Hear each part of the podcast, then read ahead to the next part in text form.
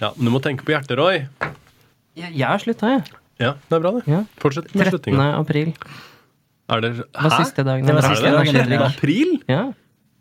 Gratulerer med til fire måneder. Ja, Mai, juni, juli, august, september. Fem måneder. Ja, men det er heftig. Feire det med en Red Bull, da. Er det ikke eh, Ivan Ave sier uh, 'lose weight, celebrate with cake'? Ja.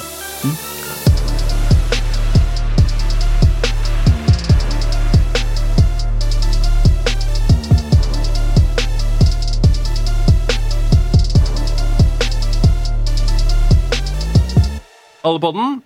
Først så må jeg si eh, tusen takk til Later Hater, Rimfrost og Black Diamond. Eh, og så må jeg si takk til eh, Sylskarp Barbershop i Larvik for at de er så jævla frekke på sveisen hele gjengen. Eh, Eh, og så må jeg si til uh, dere som ser på, takk for at dere følger med oss hver fredag. Uh, takk til dere som sitter i lastebilen og er, er lastebilsjåfør og er snekker, eller bare er ute og jogger, eller, eller går på langrenn i olabukse, bar overkropp og teip foran munnen, eller hva enn. Takk for at dere følger med på Norges beste podkast. Vi setter veldig pris på det. Og vi hadde ikke gjort det her hadde ikke vært for dere. Jo, vi hadde det uansett, men det er en bonus, da. Ehm, dagens gjest eh, gikk rundt i Bergens gater og urbane strøk som 13-åring og tok bilder av graffiti og gatekunst med et engangskamera, slik at han kunne gå hjem og øve eh, seg etter bildene. Eh, og i 2016 tok han en stor avgjørelse om å satse fullt på kunst. Siden den tid har han reist rundt i flere byer, Norge, Dublin, Lisboa, Berlin, Wien, og han har deltatt på flere kunstfestivaler, bl.a. New Art i 2018. Velkommen, René Konings. Takker. Hørte du at det var sånn Wikipedia? Ja, veldig. Ja, det er gøy. Det, jeg liker det. Utrolig gøy når du liksom hører eh, Hører det ramse opp på den måten der, da. Ja. Føler du at du liksom Føler du at du har gjort, lagd en karriere når du hører alt sånn klemt ned i sånn, en liten bulk, liksom? Ja, det blir jo litt sånn eh, Altså, Jeg vet ikke om man skal si at man føler at man har gjort en karriere, da, men eh, man blir litt sånn Ja, jøss, stemmer det? Det jo Ja, ja. det, var, det var sånn det var, ikke sant? Ja. Jeg vet det er mange som liksom Man tenker ikke så mye over liksom hvem ting man har fått til.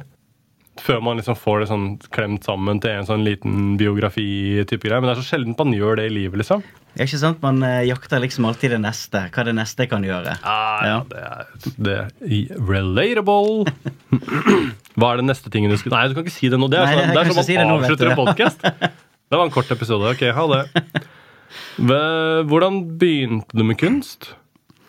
Ja, altså, jeg eh, Det var jo som du sa, da, at eh, jeg begynte å gå rundt eh, i Bergen og leite etter graffiti, meg og noen sjommier. Ja, For du var ikke i graffitimiljøet, men du bare liksom syntes det var fett, liksom? Ja, vi syntes det var fett. Eh, vi vi syntes det var kult. Altså, jeg skjønte jo ikke helt i starten hva, hva det var for noe.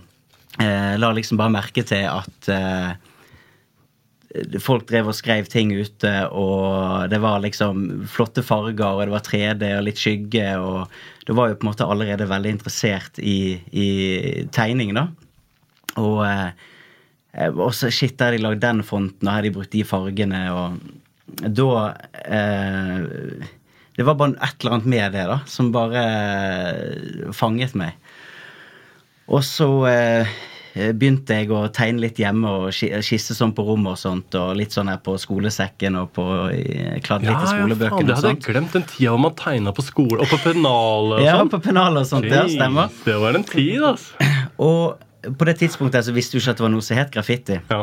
Helt til jeg hadde en uh, lærer som var sånn «Nei, du, Kutt ut med det der. Det der er jo sånn tagging. Ja, ja, ja. Sant? og, og da var jeg sånn Å, jøss, hva er det for noe? Ja, Ikke ja, ja. sant? da var det noe som trigget. Men følte du at det var liksom sånn Følte du et, et pull inn til graffitimiljøet? Eller liksom bare observerte du fra utsida? Nei, det var liksom For jeg hadde jo ikke Jeg hadde jo ikke så mange eh, kompiser som var på en måte interessert i, i dette. Der var det liksom mer fotball og, og, og sånn type Verste ting sort. Ja, ikke sant? Sort. Idrett og, og sånne ting. Ehm, så, så det ble egentlig til at uh, det ble observert fra utsiden, da. Og uh, jeg drev og, ja, som du sa, øvde hjemme og ble ganske god på skisser og sånt etter hvert. ja. Men jeg hadde jo ikke noe can-kontroll på den tida i det hele tatt. Ja, ja. Har du, har du liksom, føler du at du har blitt en del av graph-miljøet etter det, eller har du bare liksom bypassa hele den delen her? Har du liksom malt T-baner og sånn, liksom? Nei, det har ikke jeg gjort, faktisk. Okay. Det, har jeg faktisk ikke gjort. Det var liksom Fordi jeg begynte jo å interessere meg for dette her, og um, så husker jeg så godt at uh, en dag så oppdaget jeg en uh, sjablong. Altså Første gang jeg så en sjablong, det var uh, dolk. Ja, ja, ja. Ja, En sjablong av dolk oppe på Sjøfartsmuseet i- Bergen der, som var to sånne Star Wars-figurer som så på hverandre, og så var det denne teksten over. I'm your father. Og så var det sånn Oi, hva er dette for noe? Dette var jo noe helt annet enn en, enn, eh, graffiti, ikke sant? Eh, Det var liksom noe mer figurativt og mm, Jeg fant det litt mer spennende, egentlig. Selv om på den tiden jeg visste jo ikke at det var noe som het sjablong. Jeg trodde, eh, altså, jeg gikk jo på en måte hjem og eh, tegnet dette her akkurat som om jeg ville tegne en graffiti. liksom Begynte å tegne opp linjer og, og så fargelegge inni. Ja, ikke ja, sant? ja, ja, ja. Det var jo ganske lenge etterpå jeg fant ut at det faktisk var et stykke papp så du skjærte hullet og så spraya, liksom. Ja, ja, ja, ja, det er fett. Hvem var, følte du um, Så når du liksom fikk øynene opp for den der eh, sjablong stencil art-greia, var du bare rett inn i det med en gang, liksom? Ja, det var det. Da var det Begynte jeg å ehm, eh, Begynte å spraye det hjemme eh, bare på forskjellige papplater og lerreter og sånne ting som det. Og eh, det, var, det var så kult fordi bestemoren min, eh, hun har liksom alltid vært veldig støttende på dette her, da.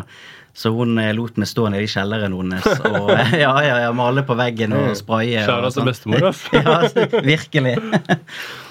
virkelig. Og da Altså, herregud, hele huset lukter jo sprayboks, ikke sant? ja, ja. Hele trappeoppgangen. Da. Ja, ja. ja, ja, ja. Og så jeg tenkte jo på en måte aldri på dette her som noe kunst, eller noe sånt, da, men hun sa alltid til meg at eh, men herregud, René, du kan jo bli kunstner. Kunstner, hva er det for noe, liksom? så eh, ja, det betydde veldig mye den støtten jeg fikk av henne, da. Det føles som du har bare liksom ramla inn i kunstverden. Ja, ja, men jo, jo, men jo, om du bare liksom har bare Kramer åpna en dør, og så bare eh, Ok, nå er jeg her inne. Jeg vet ikke om jeg er velkommen, men her er jeg, liksom. Ja, det var jo egentlig litt sånn det var, fordi at jeg var ehm, eh, Som jeg sa, det var jo eh, veldig mange som måtte være imot dette her. Jeg fikk jo høre veldig ofte, ikke sant, av eh, litt familie og litt lærere og sånne ting at du, du kan ikke holde på med dette her. Du er jo veldig flink å tegne. Når skal du begynne å tegne noe ordentlig? Når skal du begynne å tegne noe fint? For det, det, vi vet du kan det, så hvorfor tegner du dette? Så det ble liksom til at jeg aldri mm, delte. Jeg holdt Ja. egentlig bare for meg sjøl. Jeg la liksom aldri ut noe på nett. eller eh, Jeg holdt egentlig bare helt for meg sjøl. Jeg vet ikke om jeg følte noe skam, eller hva jeg følte, liksom. Jeg har jo tenkt mye på det i ettertid. da. Hva var det som gjorde at jeg aldri eh, turte å dele? Eh, Men det gjorde jeg i hvert fall ikke. Helt til da i 2016, når, eh, eller 2015, da når jeg ble kjent med eh, en kompis av meg som heter Espen. Virkelig shout-out til Espen. Som sa til meg at Vet du hva, Rene, dette her er så kult. Du må bare dele dette her med folk. Du må bare Jeg skal hjelpe deg, sa han. Så da lovet han meg på den festen at han skulle hjelpe meg hver dag i et år. Ja, for det var sånn nachspiel Ja, ja, ja. ja, ja. Virkelig. da det skjer. ja, ja, det er jo det, sant. Og da, da sier Espen det at ja, jeg skal hjelpe deg hver dag i et år. Wow! Så, ja, så da eh, Og han gjennomførte det? Ja, han gjennomførte det. På et sånn det. nachspiel-promise? Ja, ja, ja. Dæven! Shout-out til Espen. Ja, ja. Bra jobba. Virkelig. Så åtte år nå. Nå er vi åtte år inn Det i dette samarbeidet, meg og Espen. Espen. Hva med de her folka som, eh, som sa sånn eh, det, Hvorfor gjør du ikke noe ordentlig?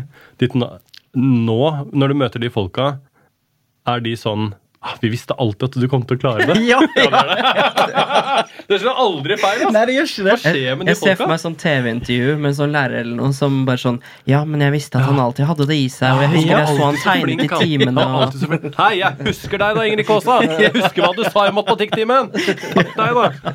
Det er liksom, hvordan, det, og det snur så sykt òg. Det er liksom bare sånn Ja, du sa, du, var, du sa at jeg var flink. Nei, du sa jeg var ræva! Du Ja, ikke at jeg var flink. Nei, sant? Prøvde liksom å få meg til å tegne noe annet ikke sant? og drive med noe helt annet. Så det er jo Ja, det er jo helt absurd, egentlig. Ja, men det er sånn. Det er menneskelig natur, det. Alle, går, alle tenker tilbake på fortida som seg som helten.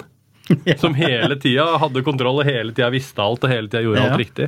Og hvis det var noe som gikk til helvete, så var det alle de andre sin feil. Det var jo aldri du som var ansvarlig for det. Ja.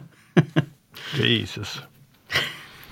Men ehm, hvor er det du har fått inspirasjon fra og sånn?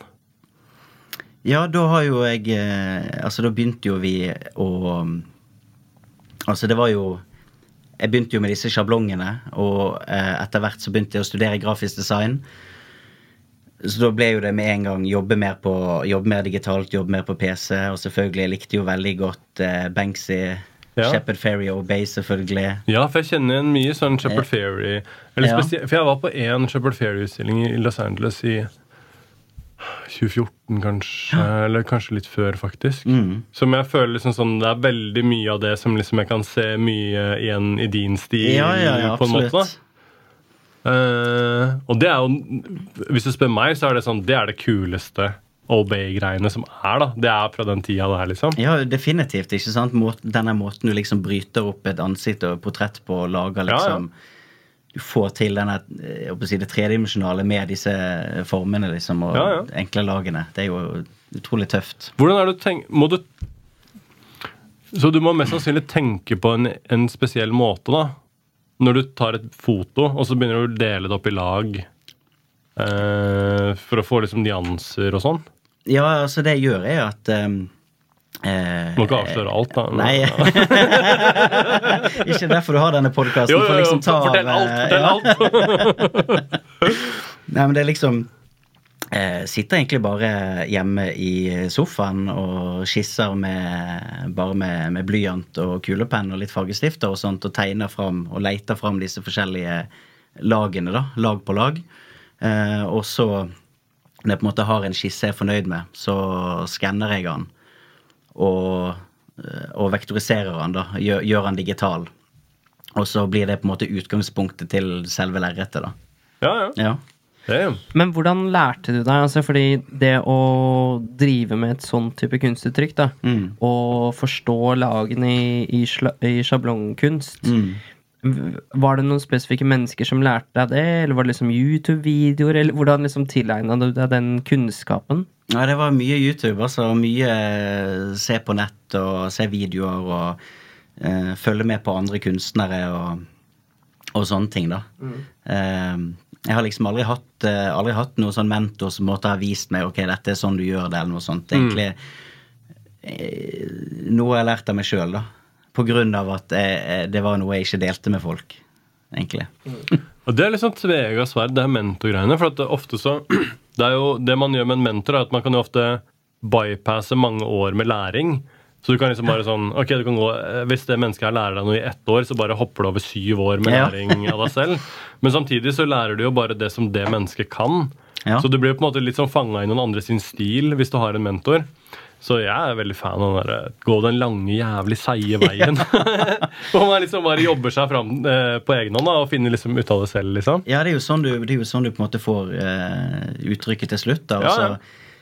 Man blir jo selvfølgelig inspirert av andre, og så ser man noe man liker fra den kunstneren, og noen man liker fra den kunstneren, og så blir det liksom bare et lappeteppe av inspirasjon, da. Ja, ja. Så det er jo egentlig det jeg føler at jeg holder på med, egentlig. Viktigst av alt, hva er det bestemor holder på med nå? Det, nå, er jo hun, hun pensjonist, vet du. Hun er det, og skikkelig stolt av deg. Ja, hun er det, vet du. Det var jo det var, var knallgøy, vet du. Hun var jo nede nå i Kristiansand på utstillingen min der, vet du. og- Jeg hørte det gikk dritbra.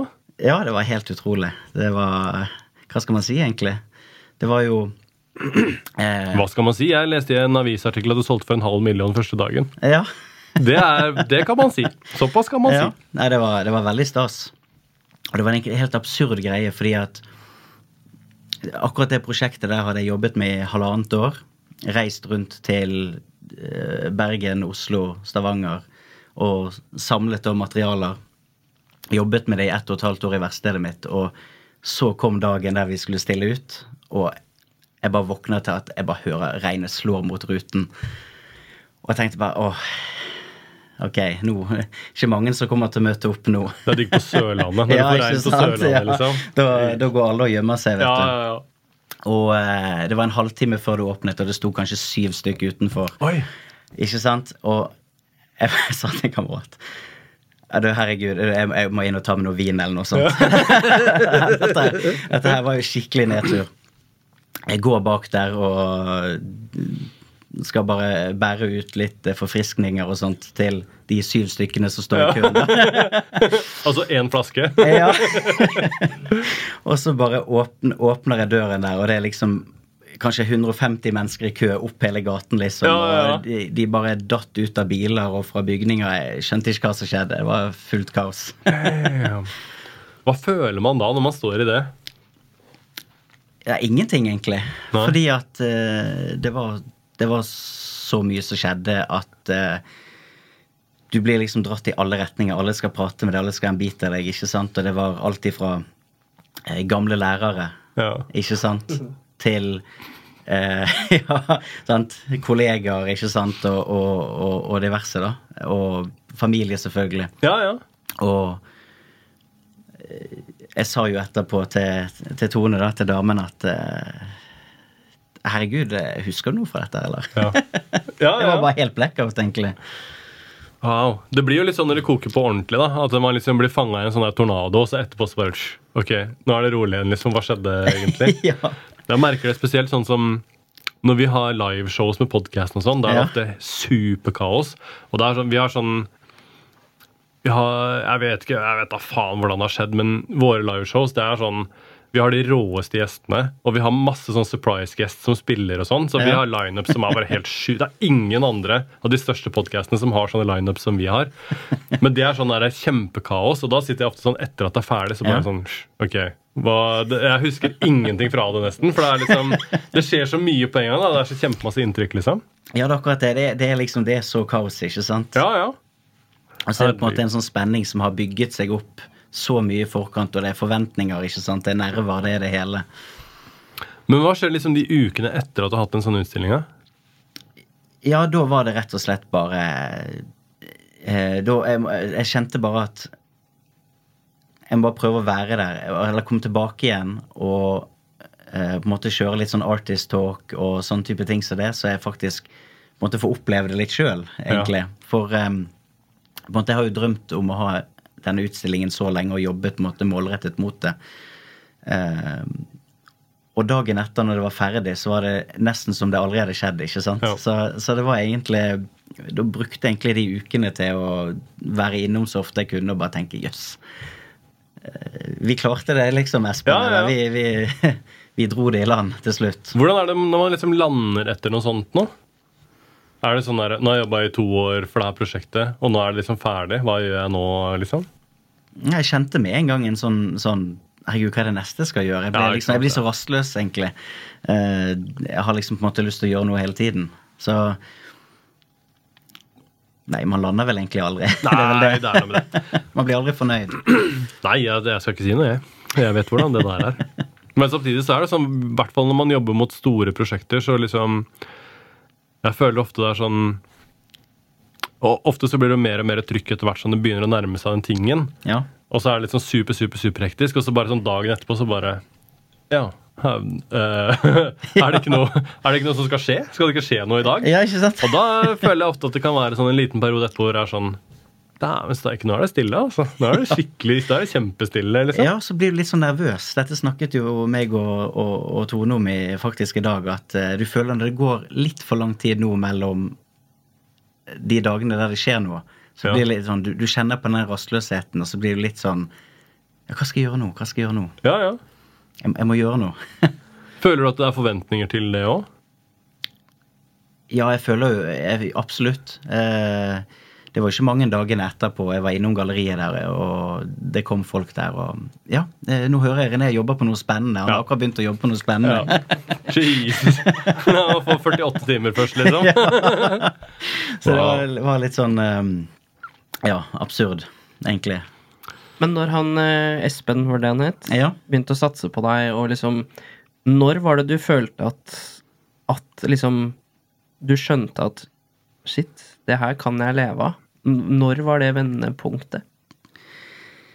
Ja, når, når var det vendepunktet? Eh, nå nå eh, du spør egentlig ganske bra, jeg. når var det vendepunktet? Altså, det som var at når meg og Espen eh, begynte å jobbe sammen, så Altså, vi begynte jo bare på kjøkkenbordet i leiligheten min å jobbe, ikke sant, helt til, helt til vi, vi vokste ut av det, ikke sant, og vi måtte eh, få oss eh, få, for oss et lite verksted, da. Eh, og da med en gang vi fikk det stedet der, eh, det var liksom vårt første studio, da, da følte du på en måte at ok, yes, nå er det litt seriøst, liksom. Ja, ja, ja. Herregud, nå, nå har jeg faktisk dette stedet her. Og, og så var det når eh, jeg, jeg begynte å samarbeide da med Galleri Biset, som, som er galleriet mitt nede i Kristiansand. Eh, så fikk jeg inn et bilde der, eh, og de hadde det på lager i kanskje et år eller noe før de i det hele tatt viste det. Og det, det, det gøye var liksom at Jeg tror de viste det i forbindelse med en sånn juleutstilling de hadde. Som er liksom sånn gruppeutstilling de viser på en måte alle kunstnerne sine. Og det var kanskje, jeg tror det var helt på tampen av juleutstillingen. Så tror jeg det solgte etter en halvtime på veggen eller noe sånt. Ja, og, ikke det er sant? gøy, Ja, og, det er de, gøy. og de ringte liksom og 'Har du to til? Har du to til?' Eh, og jeg leverte de. Og det gikk, de gikk bra, de, og de, sol, de solgte relativt fort, de også. Eh, og så leverte jeg litt bilder til de forskjellige sommerutstillingene og juleutstillingene deres. Og så arrangerte de et år en utstilling eh, som var en gatekunstutstilling. Og det var første gang jeg stilte ut eh, en si, større eh, si, større produksjon med bilder. Jeg tror jeg hadde sånn 10-12 bilder. Eh, og de, de solgte jo med en gang på åpningen der. Og da kom han eh, galleristen eh, bort med Bernt, og så sier han det at nå er det, nå er det din tur. Nå, Ja. nå, nå skal du få ha et soloshow der. Så jeg føl, jeg, da liksom følte jeg på en måte at ok, nå, nå kan vi gjøre det. Nå kan vi satse, satse på dette. Og hvordan føles det? Når du er liksom i den situasjonen hvor at du har kanskje jobba lenge mot det, og så endelig så får du den breaken, liksom? Er det gøy, eller er det skummelt? Og så er det sånn Nå må jeg virkelig levere det, eller Det er jo det jeg føler nå, da. eh, At eh, jeg, kjenner, jeg kjenner jo det at det er jo helt andre forventninger til meg og sånt nå. Spesielt etter, etter den utstillingen som jeg, jeg hadde nå nede på Biset. At som jeg sa, folk Å, René jobber allerede på noe spennende. sant? Jeg har ikke begynt, jeg ikke- jeg har ikke begynt å tenke på det engang. Jeg vet ikke hva jeg skal lage sjøl. Så det er, jo, det er jo et helt annet forventningspress nå.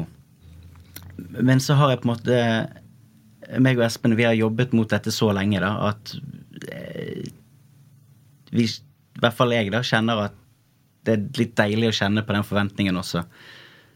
For det, det blir en sånn, noe som driver, driver oss videre. Ja, og så er det noe annet. Altså, Alternativet er at ingen bryr seg. Ja, Og det det er jo et helvete. Det er jo det verste, verste man kan være oppi. Ja, det vet vi. Der har jo vi vært. Jeez, ja, det det er ikke bra. Ok, La meg spørre deg noen podcast-spørsmål. ja. Um, hva tror du om de her romvesena i Mexico? Kan vi spørre sånne spørsmål? Vi kan spørre, spørre om alt. Jeg hadde lyst til å snakke om det tidligere, da, men det, vi gjorde det bare før podcasten. Og så fikk jeg ikke med meg alt før jeg måtte ut og ordne. Så. ja, nei, hva tror jeg om det, egentlig? du spør egentlig ganske bra. Ja, nei, Jeg spør ikke bra i det hele tatt, men jeg, jeg syns det er eh, spennende sjøl. Ja, nei jeg- Altså, det, det som er at nå har jeg på en måte akkurat i ferd med å komme ut av denne lille boblen min. Ja. Eh, Så jeg har jo ikke gjort annet enn å være i verkstedet mitt. I, jeg har vært der hele sommeren. Jeg har ikke ja, I går så var det første dagen jeg gjorde noe sosialt utenom kunst på I hvert fall, i hvert fall siden før jul, egentlig. Og så kommer du ut til faen meg romvesenet i Mexico. Ja. Det er jo helt rått! Det er helt rått. Så jeg, blir, jeg har jo så vidt fått det med meg, da. Men eh, Jeg kan oppsummere det ganske kort. da. ja.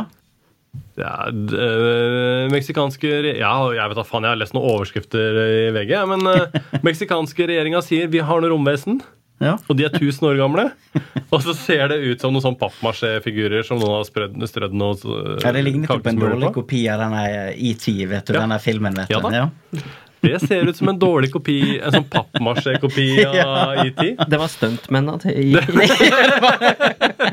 Det kan jo være kunst, da. ja. Ja. Har du noe trua på det? Performance. Nei, eh, nei, det har ikke det, altså. Har du jeg ikke må det? si det, nei. Jeg håper så på at det er ekte. Ja, selvfølgelig, det hadde jo vært helt rått om det, om det, om det skulle vise seg da at det var ekte. selvfølgelig. Ja, for tenk, deg det. tenk hvis det nå er liksom At vi nå er liksom 14 dager ifra invasjon fra romvesen, og de bare er rett på utsiden av atmosfæren vår i, sånn, i romskip, og bare faen, nå har det Jonny og Kåre på gi noen sånn pappesker på TV nede i Mexico. Nå begynner vi å bli ganske forbanna. Nei, Jeg vet ikke, jeg har litt vanskelig for å tro på det, men jeg syns det er litt spennende. Ja, det, er jo, det er jo interessant, selvfølgelig. Ja. Tror du på det, det kjøret der, Roy? Altså, jeg, jeg liker jo tro, men det som er så med, med egentlig all sånn type Du kan jo putte det i den samleboksen for konspirasjonsteorier. Det er veldig mange av de Egentlig alt, enten det er ufoer eller hva enn det er, som er kjempespennende og veldig plausibelt. Men så er det noen som drar det så jævlig langt at at det blir litt for flåsete og litt sånn Ja, sier det. Så ja. Er, For amerikanerne kommer jo med sånne der, litt sånn dårlige videogreier. da, For de har filma noe fra noe sånn eh, F-16 jagerfly Ja. eller et eller annet. Og det er en prikk som flyr litt og sånn, så de sier sånn ah, vi tror vi har noe ufo-greier. Og det kan man liksom, du kan være med litt på det, men det er noe annet når de står med den pappesken Ja, med akkurat den der dokka oppi.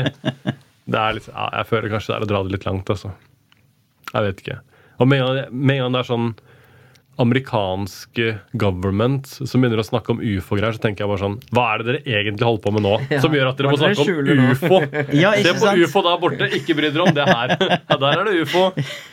Fin avledning. Ja, ja, det er, Nå er det noe dårlig stemning som skjer. Ass. Noe verre enn inflasjon og det kjøret vi holder på med. Jesus Christ. Apropos AI. ja.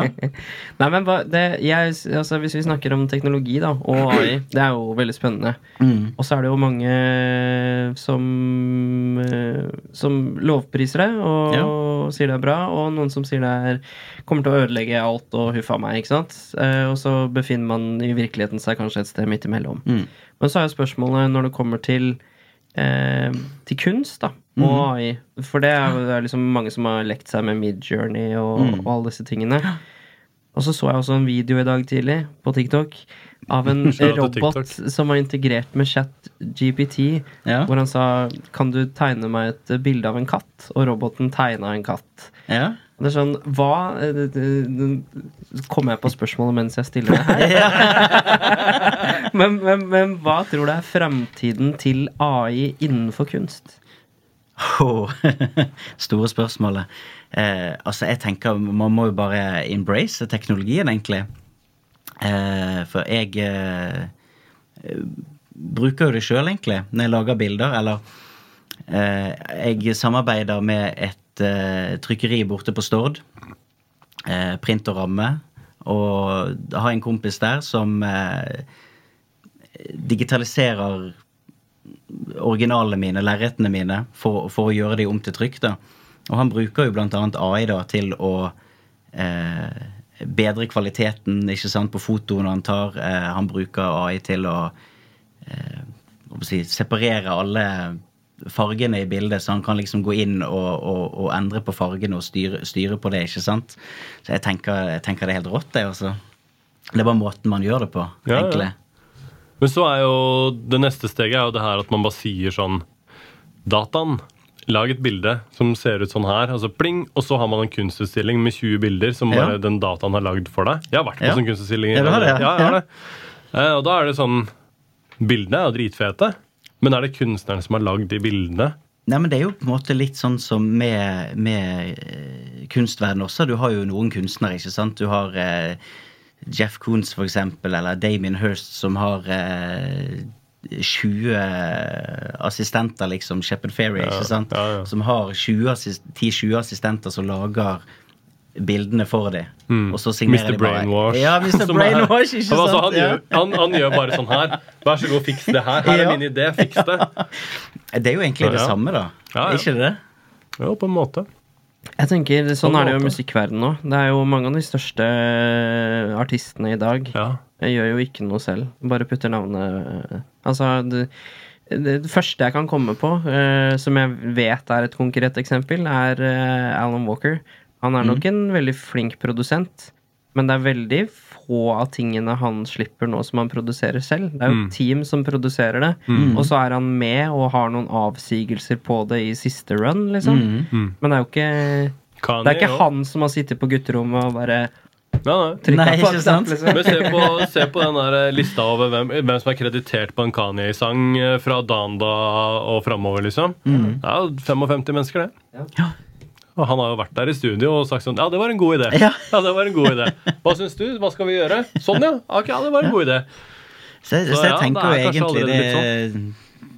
det er jo to sider av samme mynt, egentlig. Så jeg, jeg er egentlig for, absolutt for eh, AI og ser en fremtid i det. Ja, ja. Jeg er rett på Terminator 2 med en gang. jeg. Ja. Rett på. Jeg ser AI gjør sånn her. Å, mennesker! Du, du, du! Nå, Dette her, nå, dere syns jeg er gøy. Terminator 2. Det er, bare, det er rett på, det. Så jeg er ikke så imponert. Du bruker ikke det sjøl i tattostudio, da? Nei. Lag et ferdig tattodesign. Men eh, jeg, jeg kan se for meg at det kommer til å skje snart. Fordi det er så, allerede så er man der hvor at man bruker så mye Google-referanser og sånn. Ja. At eh, når man liksom googler eh, viking uh, Viking face Ja. for å få et ansikt uh, til en tatovering, da, så er det nesten lettere å bare midjourney Viking face, og så får du en viking som ikke eksisterer fra før. Og du kan skrive sånn 'with two crows', en uh, vikingbåt foran en eh, Ikke sant? Så du kan liksom, der, der kan man jo nesten bare skippe liksom sånn åtte timer med jobb, og så bare få det rett ut. Pluss at du vil få liksom 100 forskjellige versjoner, så du kan liksom bare rulle nedover og så Ja, den er fin. ja, ikke sant? Så det gjør det veldig mye enklere da, å, å liksom skippe den første fasen der. Men så er jo problemet hva Kan jeg i mitt yrke få en robot til å gjøre selve tatoveringa også? Ka snart, kanskje? 30 år til? Så kan jeg kanskje bare ligge på stranda på Granca og så bare brrrt, Og Ja. så bare sender jeg alt eh, Det skjer sikkert eh, med en gang. Jeg kan sikkert ha sånne briller på.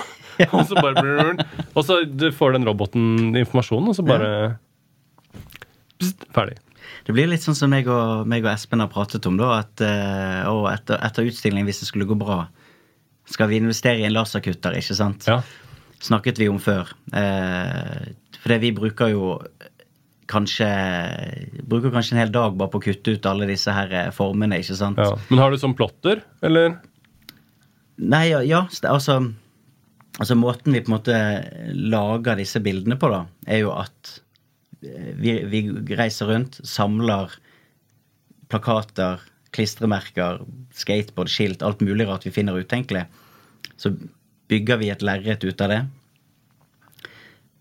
20-30 lag med plakater, så det blir en eh, solid og robust plate. da. Så maler vi på toppen av der. Og måten vi gjør det på, er at vi Arbeidene våre ser ut som sjablong, men det er ikke sjablong. Det er egentlig oh, ja. selve sjablongen som vi limer på, Ja. egentlig. Ja, ja, ja. ja. Så det er på, eh, omvendt, på en måte? Ja, ja, det er egentlig om, omvendt sjablong, da. Og, og eh, da blir det, det blir voldsomt mye kutting, og vi kutter ut de samme for, formene igjen og igjen og igjen. Og selvfølgelig å ha en laserkutter, da. Det hadde jo vært helt fantastisk. Ja, ja. Men eh, vi pratet om det senest i går. Hva skjer da? Du mister jo på en måte det der håndarbeidet. Du mister sant? Ja. Hva, hva skjer hvis alt blir perfekt? Jeg har sett et Shepherd Ferry-intervju hvor han sier det at han, han kutter alt for hånd Ja. enda. Og jeg har Jeg var faktisk Jeg hadde um, Jeg var hos han eh, Nico fra det Broslo-kollektivet. Og da holdt han på med noen sånne svære sånne, Nesten sånne kirke-glassvinduer, eh, liksom. Med sånne epoxy-greier. da Ja. Og han sa det Du må passe på at det ikke er perfekt. Ja. For hvis det er helt perfekt, så ser det liksom for bra ut, og da, da ser man ikke liksom det menneskelige i det. Mm. Så det må være liksom noen mistakes og litt søl, og det må liksom være liksom Ja, følelse i det. ja, noen avvik. Og da må sant? du ha feilene. Så hvis du gjør alt det der digitalt, og du har bare en laserkutter som liksom brrr, ordner Ja. så kan det hende at du mister mye av den sjelen i det. Ja. Og de små ting, de små liksom menneskelige feilene da, som uh, kanskje liksom connecter litt til folk, da. ja. Kanskje. Kristine Danke har jo referert til det flere ganger i podcasten sin, at hun vil at folk skal fucke opp på konsert. Mm. For det er så mange artister nå som bruker livetuning og sånn, som gjør at tonen vil alltid liksom sitte helt clean, liksom. Du får litt autokorrekt eh, hjelp, liksom. Ja, ja. Men det er kjedelig i lengden, da, for da blir det som du sier, det blir for perfekt. Du Mm. mister den Ja, det blir som å sitte og høre på skiva, da. Det er ikke noe live lenger. Det er ikke den derre sårheten, ekteheten Ja, ja. Nei, vi har hatt den praten, ikke vi har hatt den praten her allerede tidligere i dag, da, eller for dere som ser på episoden, så blir det forrige fredag. eh, når vi hadde The Rovers-øving. Eh, hvor at eh, noe av problemet er at for det første vi har ikke hatt noen konsert på 20 år, så det er litt eh, rustent. Og så kan man ikke så mye tekst, eh, og sånn, så det er, litt jobb. Men det å få den følelsen av at alle liksom digger å være der, alle syns det er gøy å være der og gjøre det. Jeg husker jeg var på jeg husker ikke om det var Postgirobygget eller et eller annet sånn, et tilsvarende band som bare var på en festival. Jeg har ikke liksom oppsøkt konserten, jeg har ikke så peil på det. Men jeg husker de spilte, og så var det sånn her, gitaristen eller bassisten eller hva fucka opp litt her og der. ikke sant? Og de andre begynte å kødde litt med han og peke på han og le, liksom. og De gjorde en hel sånn greie ut av det, og det, det føltes liksom som Det at ikke det var perfekt, gjorde at det blei så mye bedre. Ja. For alle i publikum følte liksom de var med på den joken med at nå kødder vi med han, og liksom, og han som blei kødda litt med, han var syntes jo det var gøy, han òg, Og det som sitter der og jammer, liksom. Ikke Ja, ja. sant? Ja. så det føltes veldig sånn organisk ut og veldig sånn menneskelig, da. Kontra å se et band som er bare helt perfekt. Pyro. Helt perfekt. Der kommer de lysa. Ditten og datten. Syv Ja. dansere. Takk for oss. God kveld, Sweden. ikke sant? Og så bare er det liksom helt sånn mm. fremmedgjort. da. Du, du har ikke noe connection med det i det hele tatt. Ja. liksom. Så er det jo noe kult med altså Hvis det på en måte eh, Si en gitarsolo, da. Hvis den sitter perfekt, altså gitaristen har øvd som bare det, så er det jo mye mer eh, imponerende at bare Å, fy, å, fy flate, han dro den live, liksom. Ja, ja, den, ja. Ja, ja, og den ja. bare satt. Ja, ja. Kontra at de spiller den fra playback eller et eller Ja. annet, liksom. Og han bare står sånn. ja, Ja, ja. han inntrykket, liksom. Du ser der, han, han, han står, og, står og synger det råeste, liksom, og mikrofonen er liksom helt der Ja. ute. liksom vært, Vi har jo sånn lite miljø for det i, i DJ-miljøet, hvor vi i diverse grupper på nett finner bilder av store, store internasjonale DJs som har spillejobber, hvor du ser at liksom mikseren er ikke kobla i. Det er ikke noe ledning. og der står de og bare jobber, da. Ja. Jeg så noen sånne videoer. Er, så, det er kanskje et par uker siden. Det var på TikTok, selvfølgelig, før jeg slutta.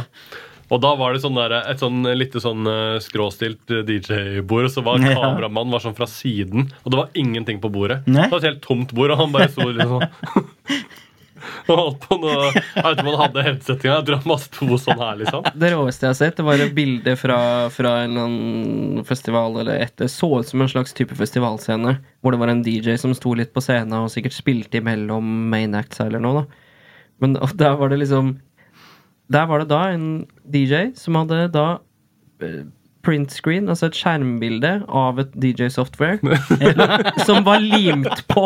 Så det var limt på! Det var ikke engang bare bildebakgrunn, det var liksom limt på skjermen på PC-en. Oi.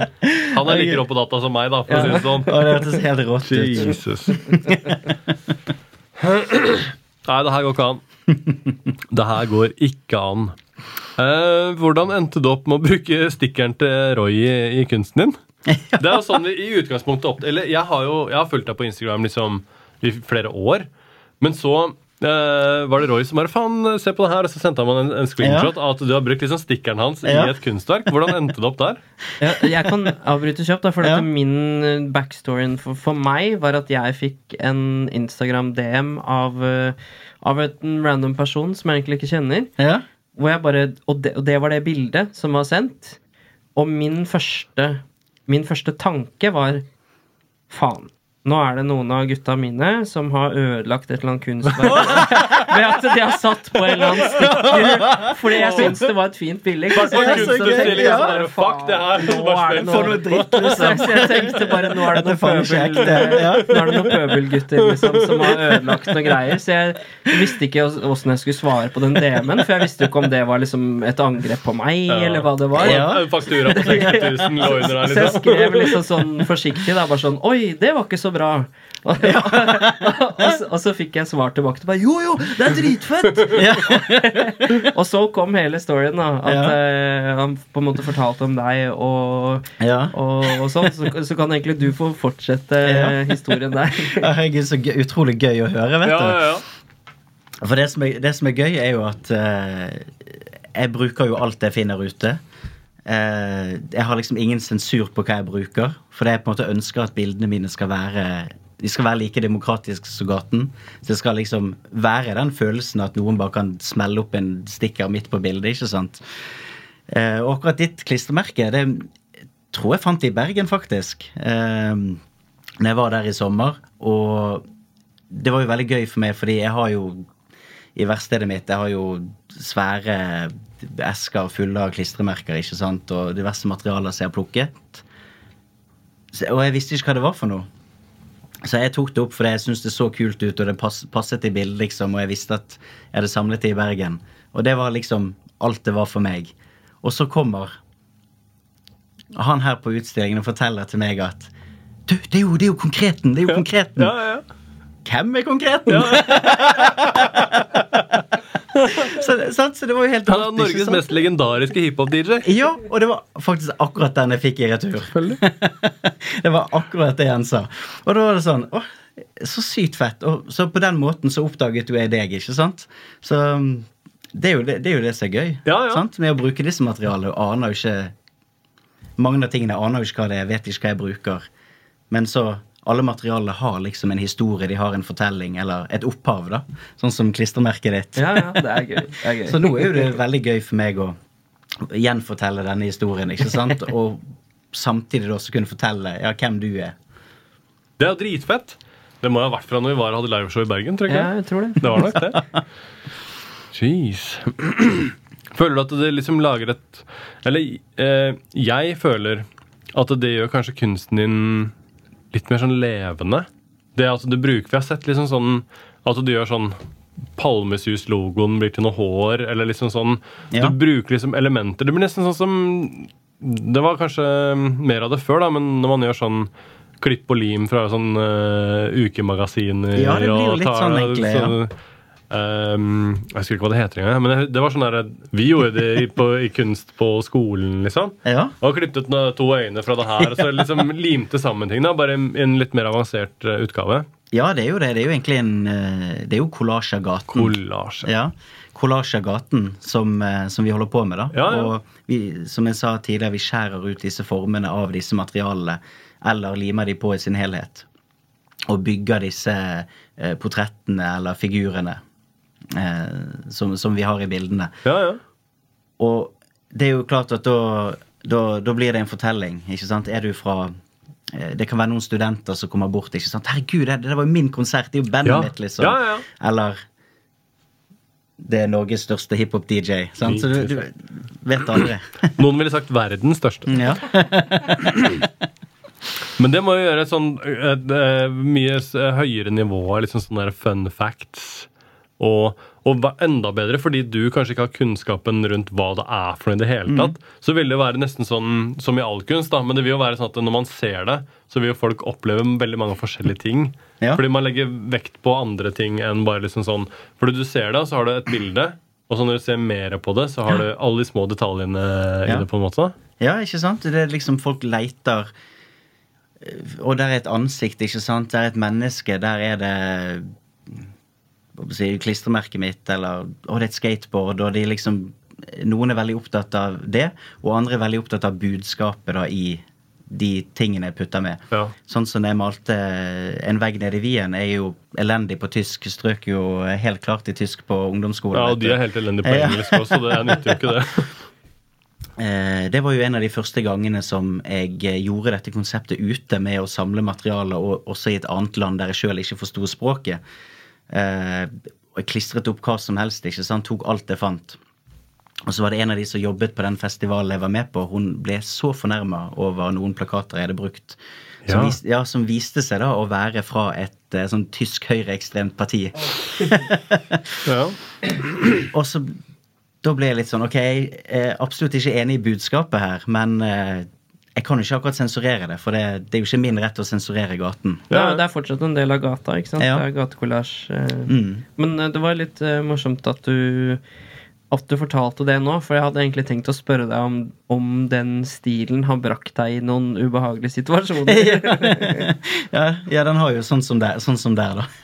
Men samtidig så er det noe med at det er jo der ute i utgangspunktet. Ja. Så da må man jo reagere like hardt på at det fins i gatene, som at du liksom viser dette her er det som fins i gatene deres. ja, rett og slett. sant? For det, det eneste jeg gjør, på en måte, er jo bare å ta det inn. Ja, ja. Det som du sier, det som allerede finnes der ute. Jeez. Men kan du Jeg vet, jeg vet ikke hvordan det fungerer, men kan du liksom Kan du bli liksom cancelled som kunstner for å Men du, du kommer jo ikke med et budskap heller. Nei, vet du faen. Nei, også for, også for meg så handler jo det liksom om å Det er jo det evige spørsmålet, ikke sant? Hva, hva er gatekunst? Hva er ikke gatekunst? Du vet, det, det å sant, Sjablong på lerret, branda i et galleri som gatekunst. Er det gatekunst? Mm. Um, så det var egentlig den debatten der som gjorde at jeg begynte å lage bildene på denne måten her. Fordi jeg mener jo det at når du tar uh, kunst inn i galleriet, så er det, det er ikke gatekunst lenger. Mm. For det, gaten den er jo igjen ute. Så du sitter kun igjen med kunst. Men jeg tenkte, hva hvis du faktisk tar materialet inn? Kan det da bli gatekunst, eller er det fremdeles Ja, ja. Kul tanke. Det er jo det gøyeste. Jeg tror jeg snakka om det på podkasten tidligere, men jeg var på en Neckface-utstilling. Hvor det han gjorde, var at han bygde bare et, et smug fra New York Ja. i sin del av galleriet. Ja, Og det var det. Det var bare et smug. ja. Med liksom Med mursteinsvegger og Mm. søppel og sånn. Vær så god. Det var det. Som, og det er kjempegøy. I et sånn stort, supercleant kunstgalleri i Los Ja. Angeles, liksom. Og da, og da er det så fascinerende, for Og det hang ingenting. Det var ikke noen kunst der. Nei, men mest Det var hans så, kunst. så, så plutselig så blir det som folk går forbi hver dag uten å ofre en tanke til, det blir plutselig noe eget, noe hellig. Det blir noe opphøyd. Ja, ja. Så, som kunst, ikke sant? Ja. Men så er det egentlig bare en helt vanlig et gatehjørne. Ja, ja så det, man kan jo relatere det litt til det du driver med òg, for så vidt. Ok, vi må, vi må gjøre noen spørsmål. Faen, vi har, vi har holdt på en snart en time, har vi det? Ja, 50 Nei, det går jo ikke an. Jesus Christ. Hva, hva skjedde? Ok, jeg kjører to kjappe spørsmål, og så må vi ta noen faste segmenter. Mitt første spørsmål er hva er du redd for? Hva jeg er redd for? Ja. Eh, Klovner? Ja, klovner, ja. Jeg, for å si det sånn, jeg vet jo veldig godt hva Espen vil jeg skal fortelle, i hvert fall. Så jeg skal, jeg skal ta den til ære for han, vet du. Okay. Det var rett og slett når vi begynte med dette her, så syns jo jeg det var så sinnssykt skummelt å lage ting ute, ikke sant? Selvfølgelig, det forventer du. Når du skal drive med gatekunst, så skal du lage ting ute. Og da husker jeg vi skulle lage vårt første verk ute på gaten i Kristiansand. Eh, og timene gikk på kveld der jeg sa nei, vi venter litt til, Espen. Det må bli litt mørkere ute. Det må bli litt færre folk ute på gaten. og jeg, jeg syns jo det var så sinnssykt skummelt, ikke sant? Ja, Og du ja. ser Espen han bare sitter der og Jesus, René, kom igjen, da. Det er jo det er jo ingen folk ute nå. Jo, men det kommer en gående der borte, Ja, jeg kan sant? se. Ja, ja, ja. så, det, så det må være det, altså. Ja, ja. ja den er fin, den. Ja, nå, nå kommer han til å le godt. Hva er du redd for, Roy? Oi. Um, jeg har Hvis jeg skal tenke på min lengste frykt gjennom livet så, Infarkt. Nei, det har kommet de siste åra. Men eh, så, så tror jeg det er mørket, altså. Mørke? Ja, jeg er litt mørkere. Wow. Ja. Men det Så er hvis jeg er liksom- hjemme uh, aleine, som jeg stort sett er, for jeg bor aleine, men, uh, men så er det liksom sånn skrur av lys i stua sånn, så er det sånn beinet som faen inn på Ja. soverommet. Og bare sånn, Ja, men det er jo sånn uh, liksom Vi er jo lagd for å være redd for mørket, for det er jo da ting går til helvete. Fra for 250 000 år siden og fram til for et kvarter siden så var det liksom mørket. Det var inte bra. Alle de største, kjipeste dyra de jakter på natta. Og hva er vi da? Jo, da er vi pølse i brød. Så da, kom deg inn i hula. Så ja, være redd for mørket er ikke så Ja, den er ikke så dum. Ja. Ok, så hva med den her? Den er gøy. Hva er dine fremtidshåp? Nei. Eh, hva er du mest stolt av i livet? Og mest stolt av i livet, faktisk. eh, det, det, det må jo egentlig akkurat her og nå, siden det er så ferskt, være eh, denne utstillingen. Ja, du kan ikke svare det. Kan ikke svare Nei, jeg må svare noe annet, Ja. For det er så selvsagt. Ja, ja, For det, er det er jo liksom det. sånn, det er jo en supersuksess Ja. som nesten, som du sier da, altså du, du nesten tviler på det helt fram til når det åpner.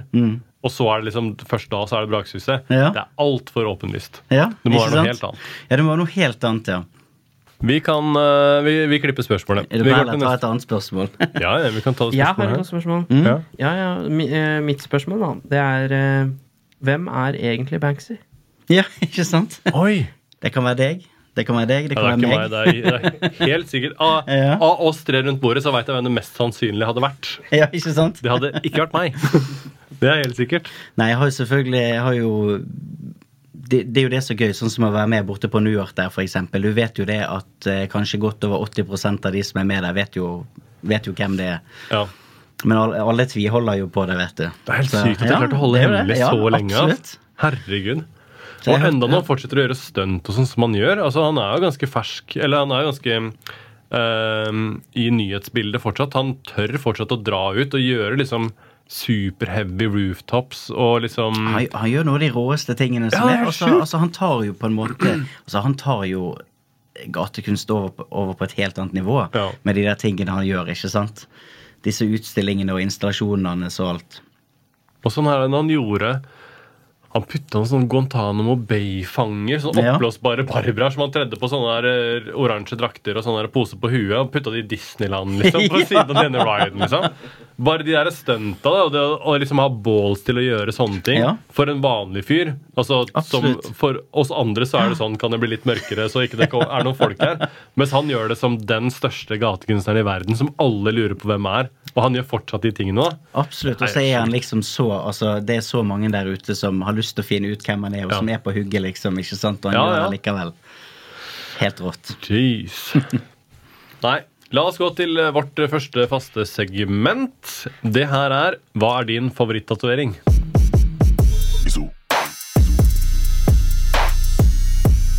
Hva er din favorittatovering? Har du en favorittatovering? Absolutt. absolutt. Er det noen av dine? ja, det må jo være det, vet du. ja, det er ikke alle som sier det. Noen sier sånn eh, Jeg har sett en, en som har tatovert på seg Ray-bands. Ja, jøss. Det er jo en klassiker, blant annet. Ja, Nå har, nå har jo ikke jeg eh, så veldig mange, da, men jeg har eh, fire-fem stykker. Ja, ja. Så har jeg en på, eh, på låret som eh, jeg ønsket å tatovere noe til bestemoren min, som en hyllest til bestemoren min. Jeg tenkte hva, skal det være? Det kan, det kan liksom ikke være et klassisk portrett, liksom. Jeg, jeg må ha noe som jeg kjenner eh, Noe som er veldig typisk hun. Så da tenkte jeg på en historie eh, fra, fra, fra jeg var yngre borte i Sverige. Så tatoveringen er da rett og slett en brødrister med to musikkassetter i. eh, som er en historie der vi var på familietur borte i Sverige. Vi var på en sånn type Coop Ops-lignende butikk. Der det var meg, min tante og bestemoren min. Og min bestemor begynner å gaule ut i butikken til tanten min. 'Elise, Elise, kom og se. Jeg har funnet den kuleste kuleste CD-spilleren til deg.' Den er helt rå. Den har til og med to hull på toppen, så du kan sette kassetter i. og, og tanten min, hun, hun blir jo så sjenert, ikke sant? Så hun, du ser hun bare kryper sammen, for hun blir så flau fordi mora hun skriker ut i hele butikken. ikke sant? Og da blir bestemor min fornærmet, og så sier hun Elise, du er så bortskjemt. Du har bare lyst på sånn moderne MP3-player. Ikke det godt nok? Du kan til og med ha to kassetter i den. Og den har bare den største gule pilen sant, som står over og peker ned. Sant? Brødrister, ikke sant? Så det er liksom, det har på en måte blitt en sånn historie i familien som alle kjenner til. så da var det, ble det helt naturlig å tatovere det på, på, på låret. Den er fin. Det høres ut som vi har omtrent like mye teknisk innsikt, for å si det sånn. Ja. Det er jo helt fantastisk, ikke sant? Jeg syns det er en av de beste jeg har hørt på lenge. Ja, faktisk. Ja. Det syns jeg. Ja, men det er bra. Pluss at det er noe med motivet blir gøy òg. Altså Bare det å ta en brødrisse, putte to kassetter oppi, bare det bildet, det er jo dritsmart. Ja, og så er det liksom det er, jo, det er jo på en måte Det er jo en tatovering som har en historie, ikke sant? Og Ja. jeg får liksom Folk pleier å reagere sånn som dette, Ja, ikke ja, ja. Og synes at det er helt, helt topp.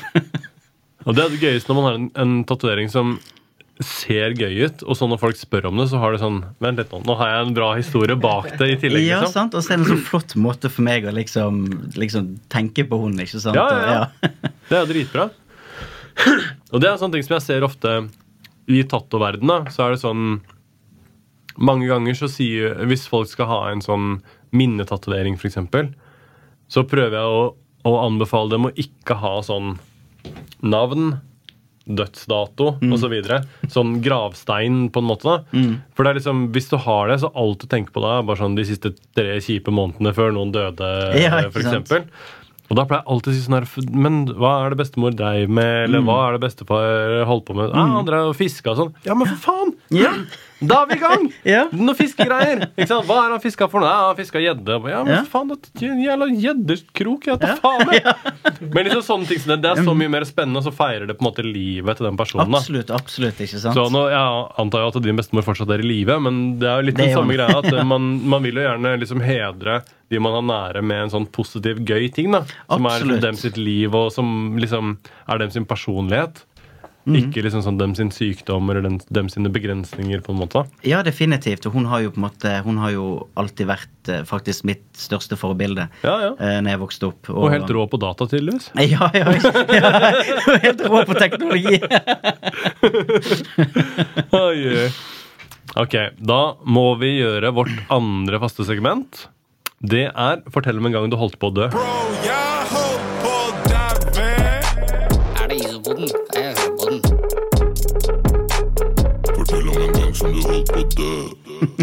Har du holdt på å dø før?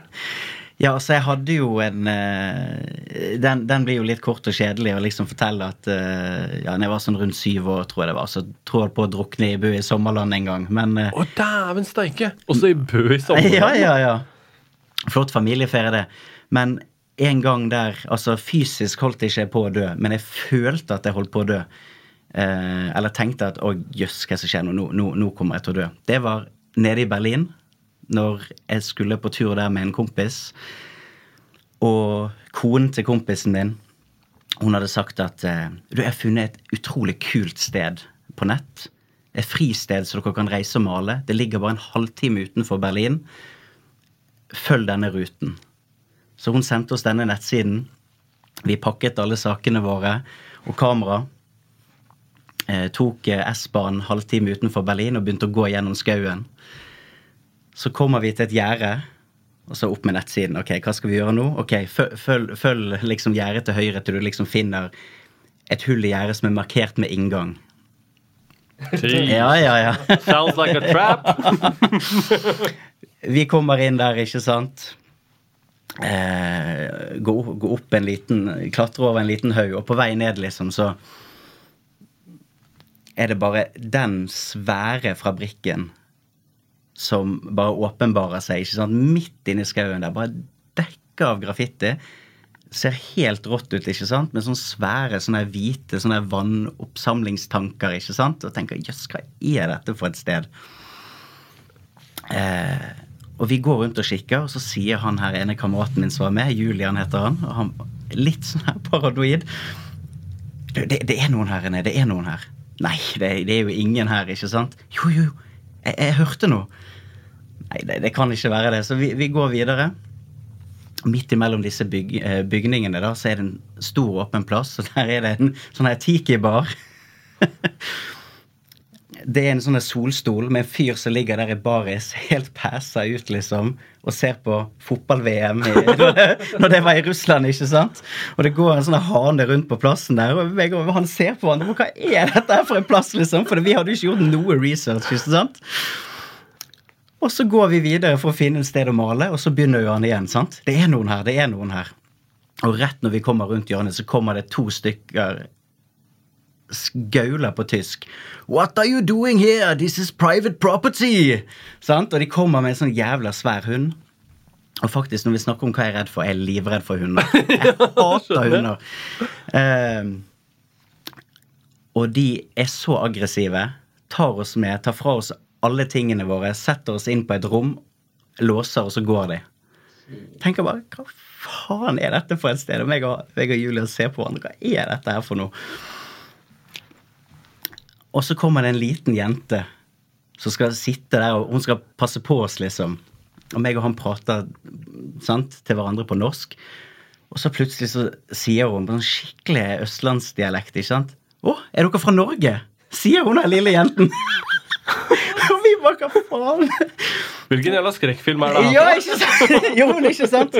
Ikke sant? Og så um, eh, Og så forklarer vi til hun her hva som skjer, at vi har funnet dette stedet her på nett, og vi har kommet her for å male og sånne ting. Så hun går og henter disse her kameratene sine, og det viser seg at alt er helt kult, liksom. De bare trodde at vi hadde kommet, altså at vi hadde rett og slett brutt oss inn der, da. Dere hadde jo det. Jo, jo, men det som var det var, jo, men det som var, det som var det at vi visste jo ikke at dette her stedet var jo faktisk si, okkupert av disse folka, og de bodde her ute. ja, ja, ja. Så det, det her var jo deres lille sånn her Som et fristed. da. blitzhus, eh, Ja, eh, rett og slett. scenario. ja. Det heter uh, Tofelsberg, Ja. hvis dere kjenner til det. Så det sånn, Ikke nå, nå Ja, kjenner jeg til ja. Er du gæren? Ja. Nå skal jeg rett hjem og google. ja, ja, ja, Ja, ja. Teufelsberg. Og det er sånn gammel amerikansk overvåkningsbase fra den kalde krigen som bare er fullstendig overtatt av disse her folka. Og de bor der ute og maler der ute, og det er gatekunstfestival der og alt mulig.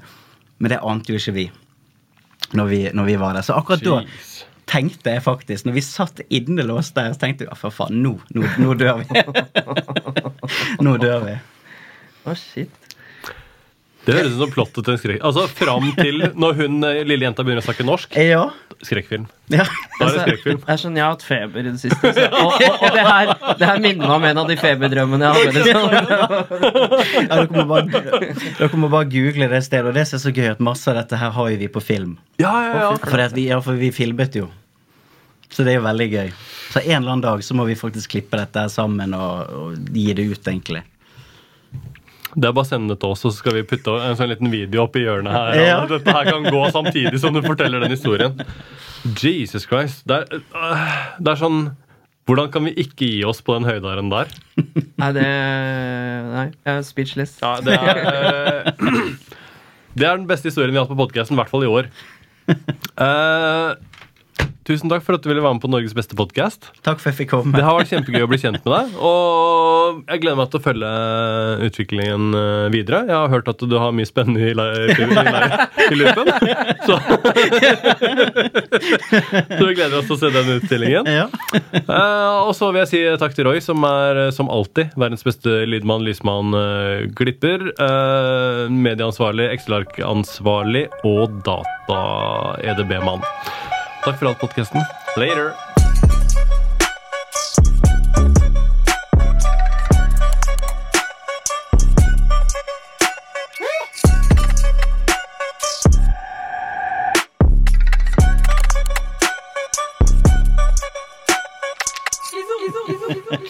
For en historie! ja, men det var helt rått, liksom. Det var helt rått. Jeg bare sier det, bare google det stedet med en gang. Jesus.